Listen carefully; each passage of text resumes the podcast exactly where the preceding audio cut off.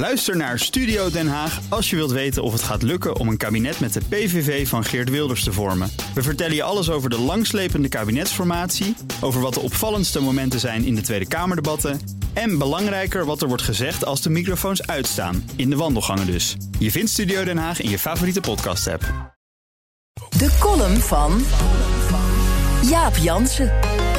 In misschien wel het belangrijkste Tweede Kamerdebat van deze week, over de meerjarenbegroting van de Europese Unie, bijna 1100 miljard euro, waarover de coalitiepartijen het niet eens zijn, had Thierry Baudet geen behoefte aan een echt debat over de inhoud. Hij gebruikte zijn spreektijd om zijn proefschrift nog eens samen te vatten.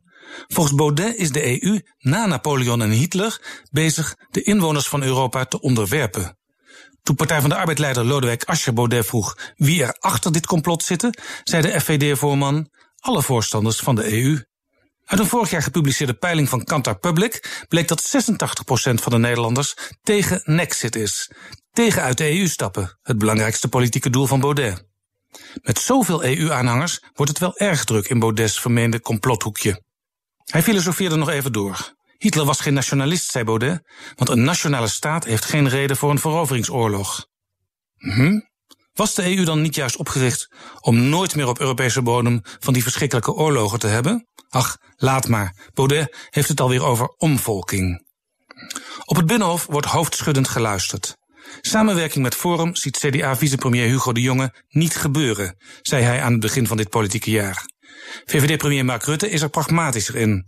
Het uitsluiten van partijen vind ik een zwaar middel, zei hij twee weken geleden op zijn persconferentie. In Noord-Brabant willen VVD en CDA het nu proberen, nadat eerder in Limburg al een ingewikkelde buitenparlementaire constructie met FVD in elkaar is gezet. In Brabant is Forum heel anders dan landelijk, hoor je in het provinciehuis. Een regionale kwestie. Zo denkt de gezaghebbende Beierse krant de Süddeutsche Zeitung er niet over.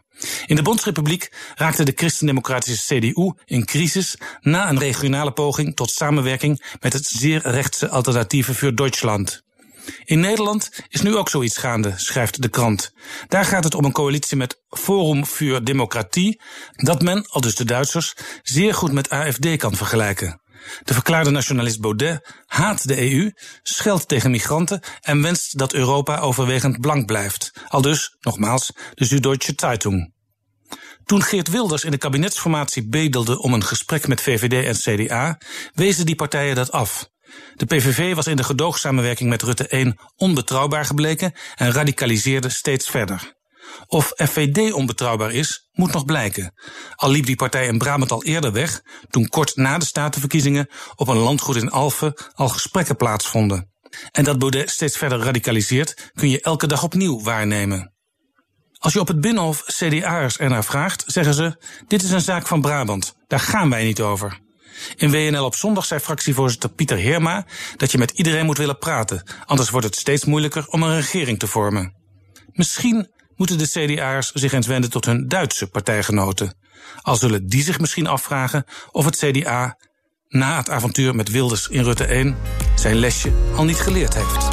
Columnist Jaap Jansen.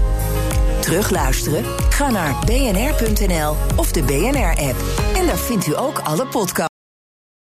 Ook Diana Matroos vind je in de BNR-app. Ja, inderdaad. Je kunt live naar mij luisteren tijdens de Big Five. Ook handig in de BNR-app. Breaking nieuwsmeldingen, maar ook het allerlaatste zakelijke nieuws. En je vindt in de app alle BNR-podcasts, waaronder Wetenschap Vandaag. Download nu de gratis BNR-app en blijf scherp.